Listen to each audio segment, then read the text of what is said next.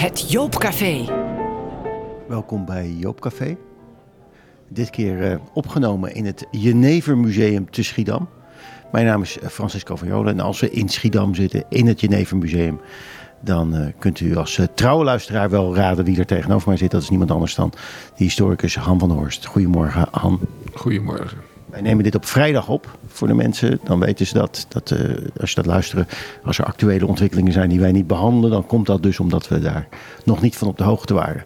Um, Han, het is een uh, roerige tijd.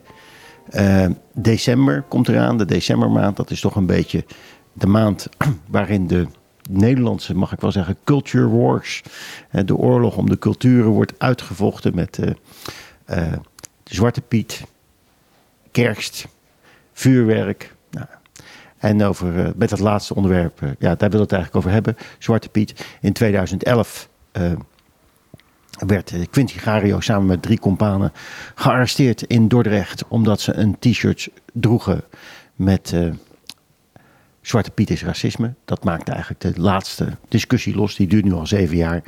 En we gaan eens kijken hoe het ermee staat.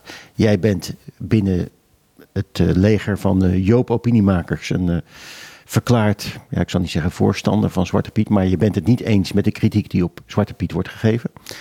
Um, nu verscheen er deze week in het tijdschrift voor geschiedenis, een wetenschappelijk tijdschrift, een heel verhaal over Zwarte Piet.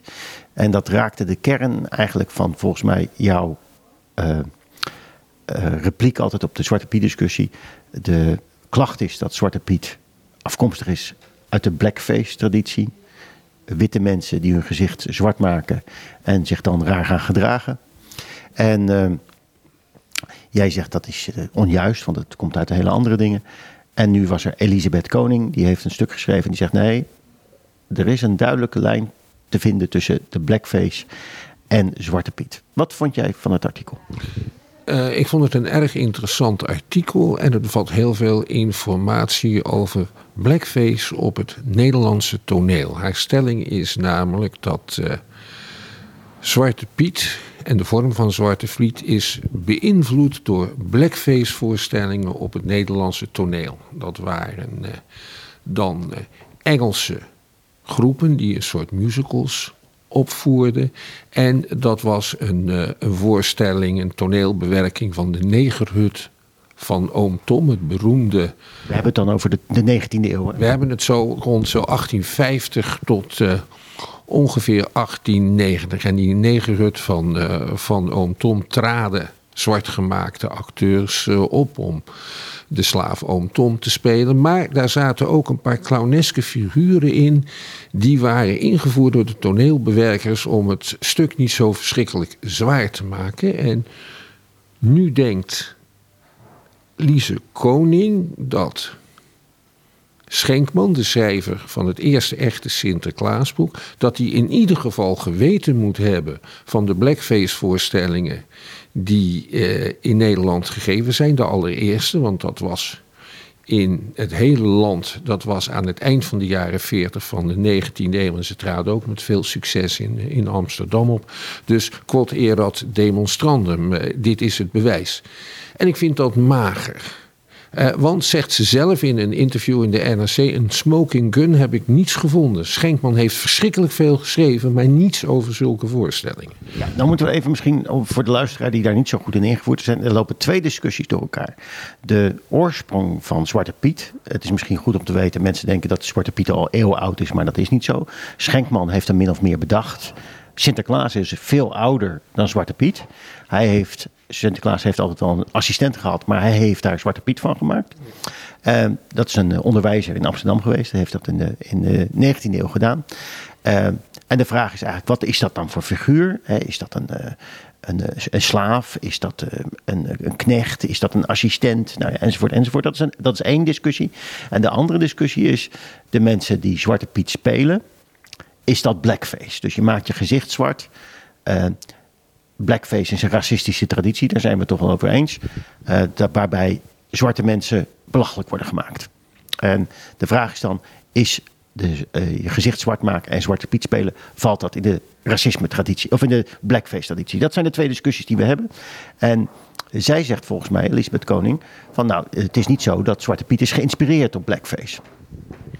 Uh, nee, dat zegt ze niet. Ze zegt, je hebt best kans dat Schenkman uh, daarvan wist. Of nee, zegt, hij moet wel van die blackface uh, hebben geweten. Want anders had die Zwarte Piet niet zo gemaakt. Maar als je kijkt naar hoe die blackface-artiesten erbij liepen...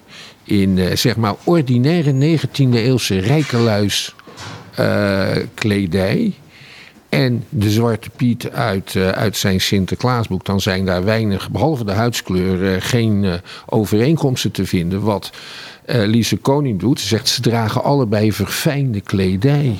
Ja, ik weet niet of je die ordinaire pakken van de blackface-artiesten verfijnd moet noemen. En ik weet ook niet of je de historische kledij van Zwarte Piet verfijnd moet worden. Eh, moet, mag noemen. Dus ik, ik, denk, ik denk dat het, die connectie, dat heeft zij niet bewezen. Wat ze wel heeft laten zien, is dat er een blackface voorstellingen zijn geweest, succesvol in Nederland, maar lang niet op de schaal zoals in de Verenigde de Staten. Want Blackface en de minstrelshows in de Verenigde Staten, die hebben een gigantische invloed gehad op de Amerikaanse amusementscultuur en dus op de hele westerse amusementscultuur tot op de huidige dag. Dat was echt heel wezenlijk geweest. Er is een prachtig boek over uitgebracht door het Smithsonian Institute in Washington. Dat is echt een heel onverdachte uitgeverij en, en museum. Uh, dus, dus dat, dat weet ik allemaal niet. Kijk, Zwarte Piet, Sinterklaas en Zwarte Piet feesten zijn heel oud, stammen uit de heidense periode en het zijn woeste, zedeloze volksfeesten. Op Ameland wordt het, nog zo op Ameland wordt nog zo gevierd. Dus Sinterklaas is ouder dan Sinterklaas, hè? Veel ouder. En wat, wat Schenkman heeft gedaan, is het Sinterklaasfeest heeft hij geciviliseerd. Dus, zwart, eh, dus de, de woeste duivel is, is, is Zwarte Piet geworden. Hij heeft nog wel allerlei vruchtbaarheidsattributen bij zich, zoals de roe en de zak. En hij uh, is, heeft ook een bovennatuurlijk karakter. En dat kan je zien aan het feit dat hij uit, uit de hemel komt. Hij loopt uh, op het dak. Hij rijdt ook paard. Dat, uh, dat, daar, daar vind je heel oude, heel oude noties van. Van wie er allemaal op paarden langs de hemel rijden. Dat is de achtergrond van Zwarte Piet. Geciviliseerd door die Jan Schenkman wat onschuldiger, wat ongevaarlijker, wat beschaafder gemaakt, zodat hij welkom kon zijn in de huizen van de bourgeoisie die zich altijd afzet tegen de woeste volkscultuur. Het interessante is dat wat we nu zien, daar een heel laat uitvloeisel van is. Men zet zich af tegen de, er is een, eh, tegen de woeste volkscultuur, zoals die tot uiting komt in het afsteken van vuurpijlen en, uh, en het hebben van Zwarte Piet. Maar ik denk dat het gezicht zwart maken, zoals dat in Europa voorkomt, niet gelijkgesteld kan worden met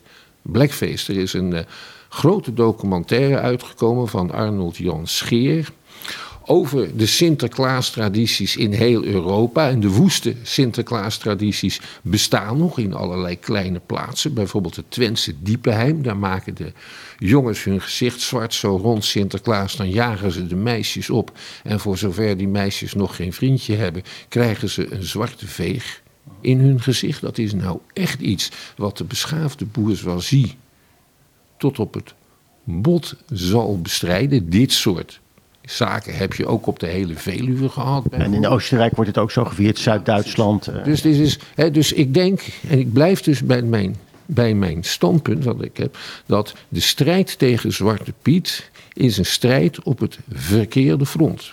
maar daar gaan we het zo meteen even over hebben. Het is, uh, uh, laten we even over dat artikel hebben.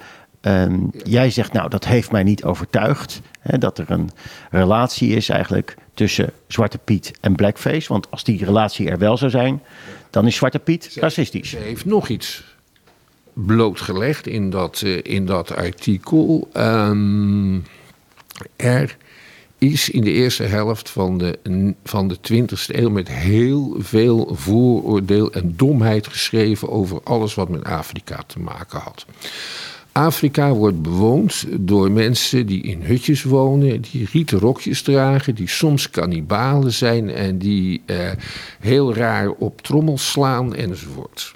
Ja, nou, er zijn verhalen gepubliceerd in die tijd, in de eerste helft van de 19e eeuw, 20e eeuw, sorry, gelegenheidsverhalen. En dan komt Sinterklaas in Afrika terecht, waar Zwarte Piet dan mensen tegenkomt die dezelfde kleur hebben als hij. En dan komen al die vooroordelen over het trommelslaande, tamelijk dommige uh, volk in rieten rokjes, die komen tot uiting in die verhalen. Ook dat heeft ze laten zien. En dit racisme, dit vooroordeel, dat blanken beschaafd zijn en mensen met een andere kleur niet of aanzienlijk minder, dat is heel erg kenmerkend geweest voor de Europese en Nederlandse cultuur tot dik in de jaren 60 en daar kan niemand wat tegen inbrengen. En dat heeft hier en daar zijn invloed als mensen leuke en komische Sinterklaasverhalen gaan verzinnen. Maar het is onvoldoende om daarmee Zwarte Piet af te doen als een racistisch fenomeen. Nou, we hebben uh, nog even over dat blackface, want omdat dat gaat verder dan je gezicht zwart maken. Dat gaat niet zozeer alleen maar om dat gezicht zwart maken, want daar kan je ook allemaal voorbeelden van geven dat dat niet geeft. Maar blackface is een typering, karakterisering eigenlijk, waarbij iemand, een wit iemand, doet alsof hij zwart is en zich vervolgens gaat gedragen. Uh, als iemand die probeert beschaafd te zijn, maar dat niet helemaal lukt. dus hij is een beetje dommig, hij uh, kan niet goed praten, uh, hij probeert de witte mens na te apen, ook in zijn kleding. Dus hij probeert zich netjes te kleden. En dat gaat allemaal mis, want ja, hij is nu eenmaal niet wit. En dat is, dat is het racistische karakter van blackface. Blackface is dat je je gezicht zwart maakt. Dat je dat doet om te lijken op iemand van Afrikaanse afkomst. En dan ga je de clown uithangen. En die te bespotten. Daar, daar gaat het om. Nou, maar je zou kunnen zeggen, als ik, als ik Zwarte Piet zie, als ik, zoals ik hem ook ken uit mijn jeugd, en dan zie ik iemand eh, met uh, kroeshaar, zwart gezicht, die is, uh, gezicht is zwart gemaakt, en die gedraagt zich ook dom, domme Piet. Dat is, dat is mijn, en voor zo ben ik opgegroeid met Zwarte Piet. Zwarte Piet is een dom mannetje. Uh, ja, dat is nog maar de vraag, want hij is ook de oplossingenbrenger. En hij is een trickster en, en uh, een tovenaar. Natuurlijk kan je dat denken als je dat voor het eerst ziet. Als je voor het eerst iemand in een niqab ziet lopen, dan denk je ook dat is onderdrukking. En er zijn zeker een paar miljoen mensen in Nederland die dat ook denken. Dat is geen reden om het dragen van een niqab te verbieden. Ik heb vroeger, uh, toen ik, uh, uh, als je 13, 14 was of zo, ook voor Zwarte Piet gespeeld. Zoals veel mensen denk ik dat gedaan hebben. En dan, ja, als, automatisch of zo ga je je ook zo gedragen. Dus je gaat een beetje dom lopen doen, je gaat een beetje achterlijk lopen, je gaat raar praten. Dus ik, ja, uh, ik kan erg meegaan, nog, ik kan nog wel meegaan met je verhaal van uh, hoe zoals Schenkman het ontworpen heeft, is het niet als blackface bedoeld. Maar als ik het verhaal ook van die uh, Elisabeth Koning lees, dan denk ik van ja, uh, onder invloed van de blackface cultuur is Zwarte Piet wel blackface geworden. Ik denk dat je dat, ik denk dat, je dat zo niet kunt zeggen. Ben je er racist van geworden? Nee, want dat Zwarte Piet racistisch is, wil niet zeggen dat de mensen die dat spelen of die dat uh, doen, automatisch racisten zijn. Dat, dat, dat is niet één op één hetzelfde. Het is niet, ook niet zo dat als je een antisemitische opmerkingen maakt, dat je meteen een antisemiet bent. Dat zijn voor mij twee verschillende dingen. Omdat je ook onbewust dingen kan doen. Meestal gebeurt dat. Toen ik Zwarte Piet ging spelen, ging ik, dat, ging ik me zo gedragen. Er is geen haar op mijn hoofd die erop kwam dat dat racistisch was. omdat ik daar op geen enkele manier bewust van ben. Maar zoals ik er nu naar kijk, denk ik, ja, dat was wel een racistisch verschijnsel wat ik heb nagedaan. Ik denk dat je jezelf dan uh, tekort doet. Ik denk dat dat allemaal reuze meevalt. Uh, want ik denk niet dat jij tijdens het spelen van Zwarte Piet dacht aan Afrikanen en dat Afrikanen ook zo waren. Nou, ik kan je eigenlijk een heel simpel voorbeeld geven van een vergelijkbare situatie. Ik uh, zat uh, nou, in de brugklas toen de, de grote stroom Surinamers naar Nederland kwam. En ik zat op school in, in Rotterdam. Dus ja, dan heb je klassen. En ik was gewend in, het, in de omgeving waar we woonden. Vriendjes en zo. Wij vertelden moppen aan elkaar over Surinamers. Ja. Dat waren nogal racistische moppen. Was ik me daarvan bewust? Nee. Totdat ik een keer, en dat is bewijs daarvan dat ik me daar niet van bewust was, dat ik een keer tegen een Surinaamse vriend van mij, die met mij in de klas zit, een Surinaamse klasgenoot, zo'n mop vertelde. En ja, normaal werd daarom gelachen. En hij zegt: Ik vind het helemaal niet leuk. Ik vind dat geen leuke grap. En toen realiseerde ik me ineens: wacht even, er is iets mis met die mop. Daarna heb ik ze ook nooit meer verteld. Dus het kan makkelijk zijn dat je iets doet wat niet oké is, zonder je daarvan bewust bent, toch? Ja, dat weet ik niet. Ik vind dat een beetje moeilijk. Ik eh, Surinamers grappen altijd wel begrepen. En trouwens, Joden moppen ook altijd wel begrepen. Waar ongeveer de grens lag. Want Sam en Moos moppen, die heb, je, die, eh, die heb je in de leuke variant en in de antisemitische variant. En volgens mij heb ik daar altijd wel een, een signaal voor gehad. En dat geldt trouwens voor. Eh, Surinamers moppen ook. Je hoort ze niet veel meer, want ze zijn overgegaan naar de Marokkanen. En de Turken grap. Het zijn meestal wel dezelfde grappen. Ook als je gaat kijken, dat is natuurlijk altijd zo. Uh, Belgen moppen, Ieren moppen, Duitsers moppen. Het zijn eigenlijk over het algemeen allemaal hetzelfde. Alleen de inhoud wordt wat, uh, de personages worden wat veranderd. Wat vond je eigenlijk van het, voor de rest, wat, heb, wat, heb je, wat heeft je verrast in het stuk van Elisabeth Koning? Ehm, nou, het is een goede onderzoekster naar, naar populaire cultuur. Maar, uh, dus het is, het is ook absoluut geen onzinnig stuk. En het is ook zeer terecht in de tijdschrift voor geschiedenis uh, opgenomen. Want, zeer leerzaam ook. Ja, ik heb er ook wel het een en ander van geleerd. Van dat van oom Tom, dat wist ik niet. Wel van die blackface-artiesten die, uh, die Nederland hadden bezocht in 1847. Want daar heb ik recensies van gelezen uit het Algemeen Handelsblad uit die tijd. Dus het is een, een goede onderzoekster op, uh, op dat gebied. Ik heb in mijn recensie van haar artikel op Joop ook gezegd... misschien komt ze later wel met sluitend bewijs. Dat moet je nooit uitsluiten, dat dat kan gebeuren. Uh, maar ik denk ook dat zij, dat hier wel in het tijdschrift voor geschiedenis reacties opkomen. Want dat is eigenlijk een van de kenmerken van het tijdschrift voor geschiedenis. Dat het wel voorkomt dat mensen uh, kritisch ingaan op wat erin staat. En dat klopt ook, want, want wetenschap is een permanente dialoog. Dus dat is ook het kenmerk van dat tijdschrift. En dat komt drie of vier keer per jaar uit. En dat wordt alleen maar door vakgeleerden gelezen. Ze hebben nu kans gezien om dat blad eens een keertje over een breder platform te presenteren. Ja, het is kenmerk van maatschappelijke processen en bewustwordingsprocessen dat ze heel lang duren over het algemeen. Ja. Um, afgelopen weekend was de intocht van Sinterklaas. Die ging gepaard met nogal wat uh, geweld, of in ieder geval ongeregeldheden. Uh, hoe kijk jij daarop terug? Ongeregeldheden zijn nooit goed. Dat is, uh, dat is punt 1. Punt 2. de hooligans die opgetreden zijn met dat geweld tijdens verschillende Sinterklaas-intochten hebben de, zeg maar, de positie van Zwarte Piet ernstig geschaad. Dat blijkt ook uit uh, wat hun acties hebben opgeleverd.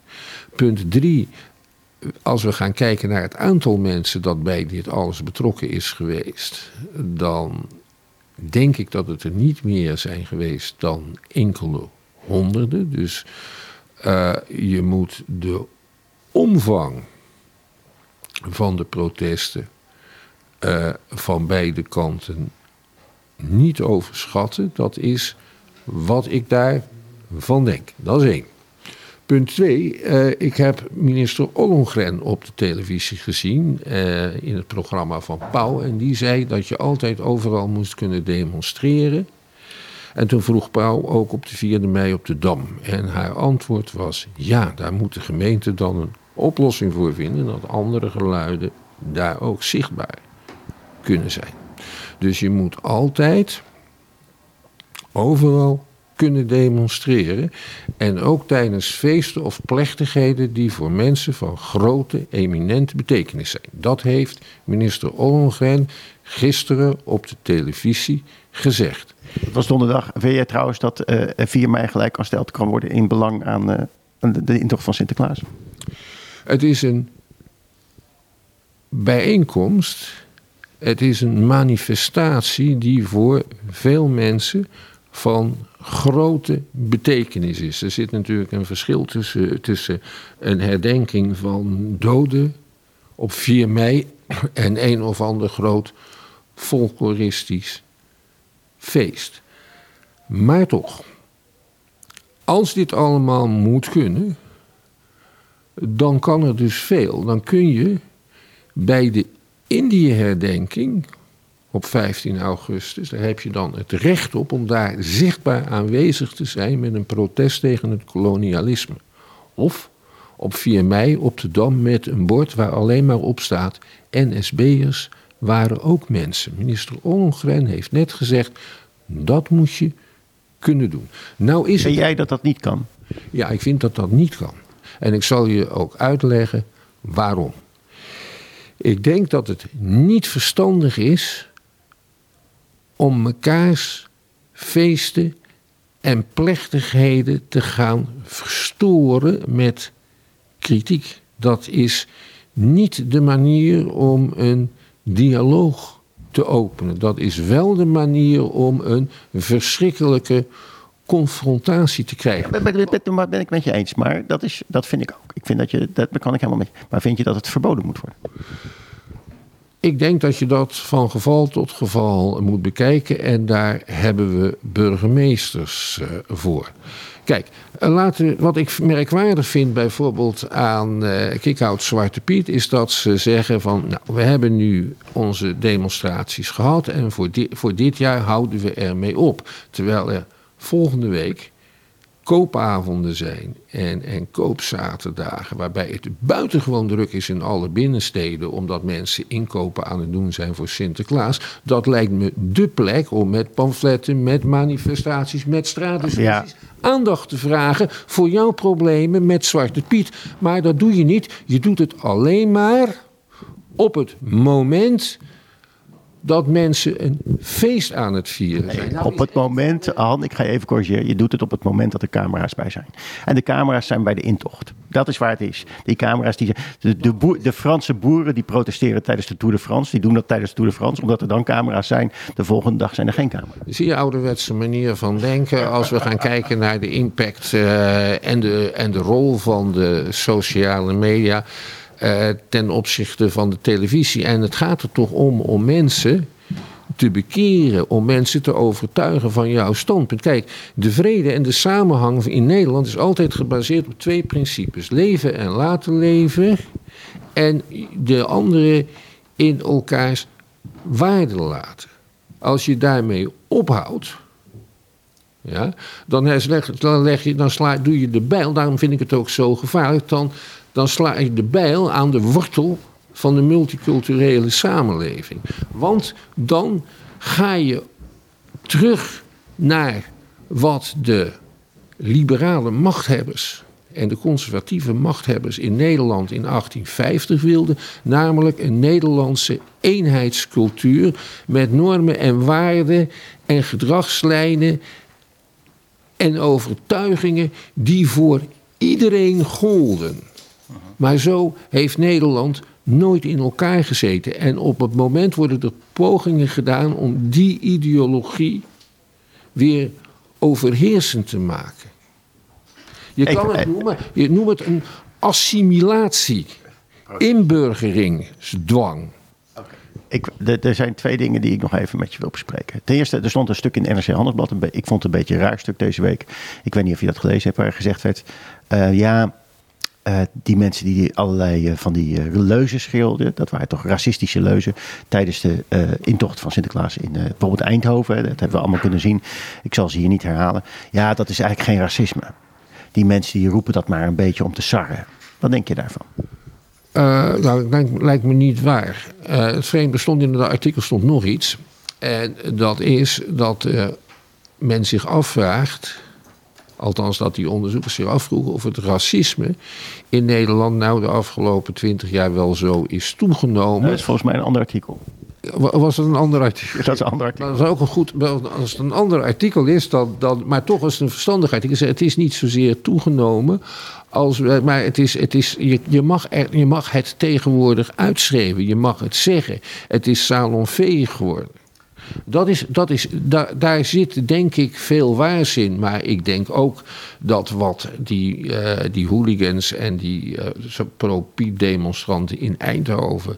allemaal riepen, dat dat uit het diepst van hun ziel kwam. Er is, er is wat, wat ik interessant vind, is dat jij bent eigenlijk vanaf het begin, we zeggen we deze discussie die voert al zeven jaar gevoerd. Jij voert hem ook al zeven jaar op Joop, ieder jaar weer. Dat doe je trouw, je verdedigt daarbij je standpunt. En ik heb altijd jouw standpunt ook begrepen als mensen, deze discussie moet je niet gaan voeren, want daar speel je extreem rechts mee in de kaart. Ja. Dat, is, dat was eigenlijk in het allereerste begin was dat een argument van je. Dat vond ik, dat heeft me erg aan het denken gezet. Uh, dan is dit weekend wel jou gelijk bewezen. Ik bedoel, het is nu een extreem rechts. In Rotterdam liep voorpost, wat toch gewoon een neonatiebeweging is, als Zwarte Piet verkleed eh, snoepgoed uit te delen. En niemand zei er wat van. Nee, precies. En wat, en wat moet je er dan van zeggen als ze het volgend jaar weer doen? Dus Rotterdam heeft besloten over te gaan tot de roetveegpiet. Je zult zien dat er volgend jaar bij de intocht in Rotterdam allemaal echte Zwarte Pieten rondlopen. Wat wil je doen? Wil je die door de politie op laten pakken in het zicht van de kinderen? Dus. Uh, er is extreem rechts een, een, een strijdmiddel op een presenteerblaadje aangereikt. Inderdaad, dat, uh, dat, is, dat is inmiddels gelukt. In die zin heb je gelijk gekregen. En hoe nu verder? Uh, hopen dat dit gedempt wordt, ik weet het niet. Roetvegen, Pieter? Ja, of het ligt er gewoon aan, weet ik veel. Ja, uh, kijk, roetveeg, uh, dat is, de, dat, is, dat is een typisch... Uh, dat is een typisch Nederlands compromis. Hè? De roetveegpiet kan iedereen zich in vinden. Want in de roetvegen kan je zwarte piet zien. Maar in, uh, in, het, in, in, de, niet geveegde delen van het gelaat de blanke piet. Dus daar kan iedereen zich in vinden. Maar de escalatie is inmiddels zo ver gekomen dat dit waarschijnlijk iets wordt waar niemand tevreden is. Kijk, er wordt gezegd in Amsterdam was er geen enkele wanklank bij de intocht van Sint-Nicolaas. En dat is ook zo. Maar er zijn honderden plekken geweest in Nederland waar geen enkele wanklank was bij de intocht van, uh, van Sint-Nicolaas. De wanklank komt op het moment dat mensen dat feest, de intocht, gaan gebruiken om daar een discussie te voeren. Daar krijg je reactie op. En je moet je dus afvragen als activist, van welke overtuiging dan ook, of het verstandig is om jouw mening naar voren te brengen op momenten dat mensen massaal heel emotioneel ergens instaan. Als ik aan de kaak wil stellen wat moffenhoeren overkomen is in 1945, en dat is absoluut schandalig, of wat een misstanden er hebben plaatsgevonden in kampen na de bevrijding voor NSB'ers als ik dat allemaal wil doen, is 4 mei daarvoor niet de geschikte datum. Tenzij ik alleen maar wil provoceren. Of tenzij je. Een hele goede datum. Ik denk dat het verschil is. Uh, de dingen waar jij, die jij nu noemt, daar zijn mensen het ook wel over eens. Dat dat schandalige zaken zijn geweest die gebeurd is. En hier werd natuurlijk, als ik het vanuit het activistenstandpunt gezet, zij zeggen: Zwarte Piet is een racistisch verschijnsel. Dat werd ontkend. Uh, zij zijn actie gaan voeren. Wat gebeurt er nu? We zien dat de neonazies gaan zich uitdossen als Zwarte Piet. Ik ben vrij simpel. Neonazies doen dat omdat het een racistisch verschijnsel is. Nee, dat doen ze omdat ze het kunnen gebruiken. Ze zullen van alles een racistisch verschijnsel maken. Kijk, Zwarte Piet had natuurlijk al lang weg kunnen zijn of veranderd. Dat is als geen enkel probleem geweest als, uh, als Quincy Gario een petitie was begonnen... gericht aan Sint-Nicolaas waarin hij zegt... Wij zijn tegen discriminatie.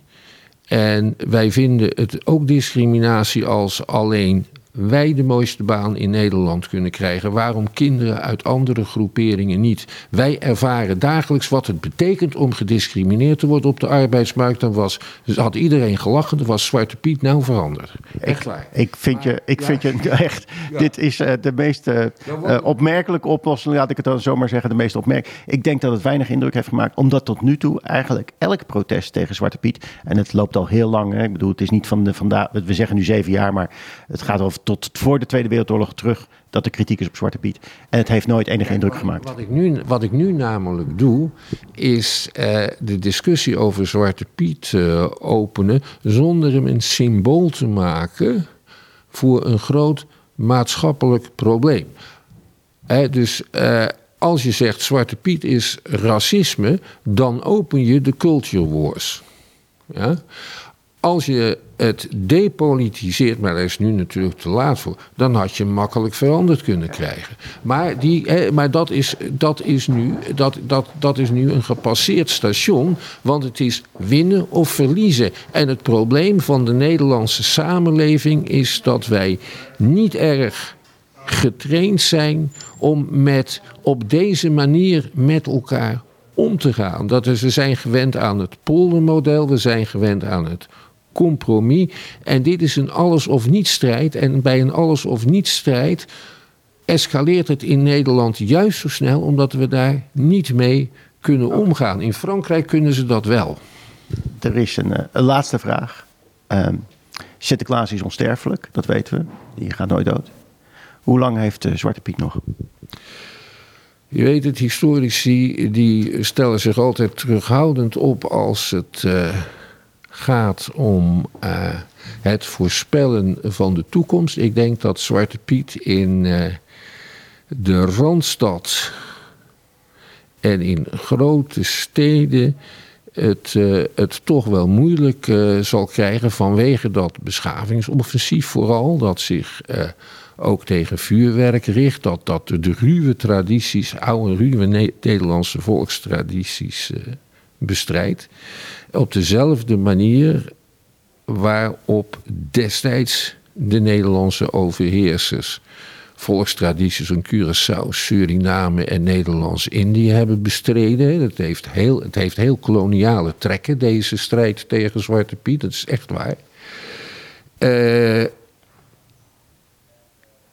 Als ik het goed begrijp, in jouw optiek, hè? jij zegt uh, Zwarte Piet is uitgevonden en de Sinterklaas-traditie zoals wij die kennen is uitgevonden in de 19e eeuw, onder andere door Schenkman, of ik denk door Schenkman, uh, om een heidensfeest een beschaafd gezicht te geven.